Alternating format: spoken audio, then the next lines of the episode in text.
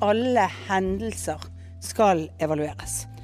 Sånn kan vi utvikle vår beredskap og styrke Norges sikkerhet.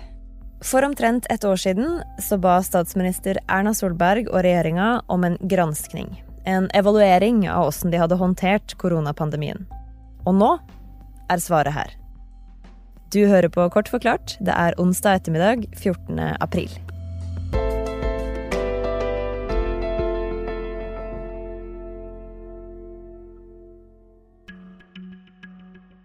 Først så mener koronakommisjonen at regjeringa sin håndtering samla sett har vært god. Men det er ikke få ting regjeringa og helsemyndighetene får kritikk for i rapporten som kom i dag. Og vi mener det er en alvorlig svikt at de likevel ikke var forberedt da covid-19-pandemien kom. Særlig er det snakk om at Norge og regjeringa var dårlig forberedt. Sjøl om Verdens helseorganisasjon og helsemyndigheter hadde advart mot at den mest sannsynlige trusselen mot Norge var en influensapandemi, så var regjeringa dårlig forberedt på det.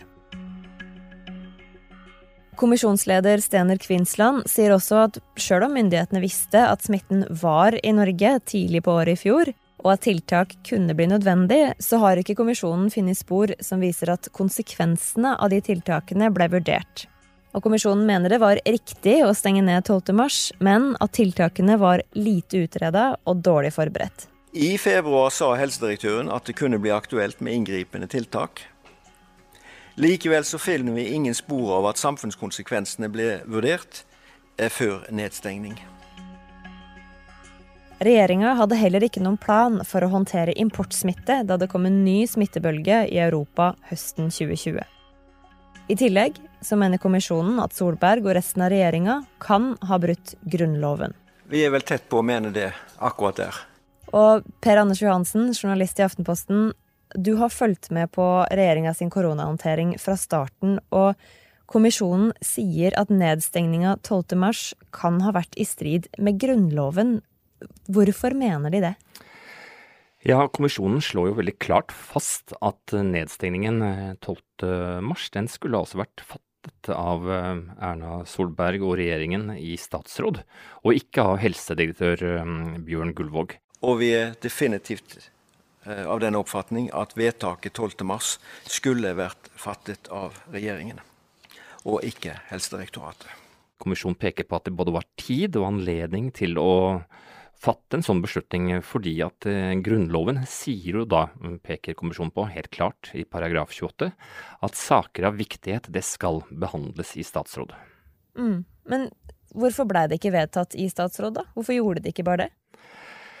Det er eh, selvfølgelig fordi at regjeringen mente man hadde dårlig tid, men eh, det kommisjonen også peker på var jo at, eh, at statsrådene ikke tenkte på Grunnloven og denne siden ved Grunnloven, og heller ikke deres embetsverk.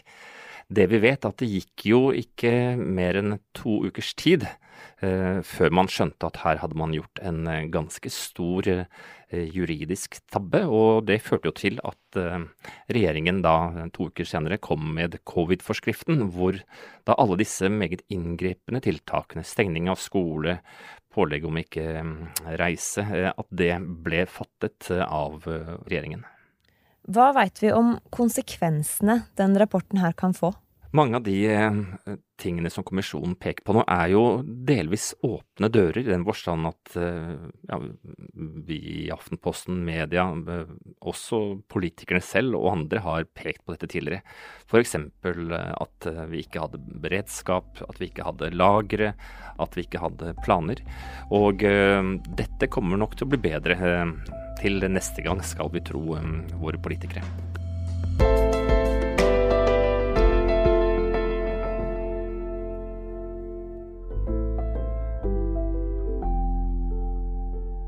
Du har hørt Kort forklart. Denne episoden her er lagd av David Vekoni og meg, Anne Lindholm.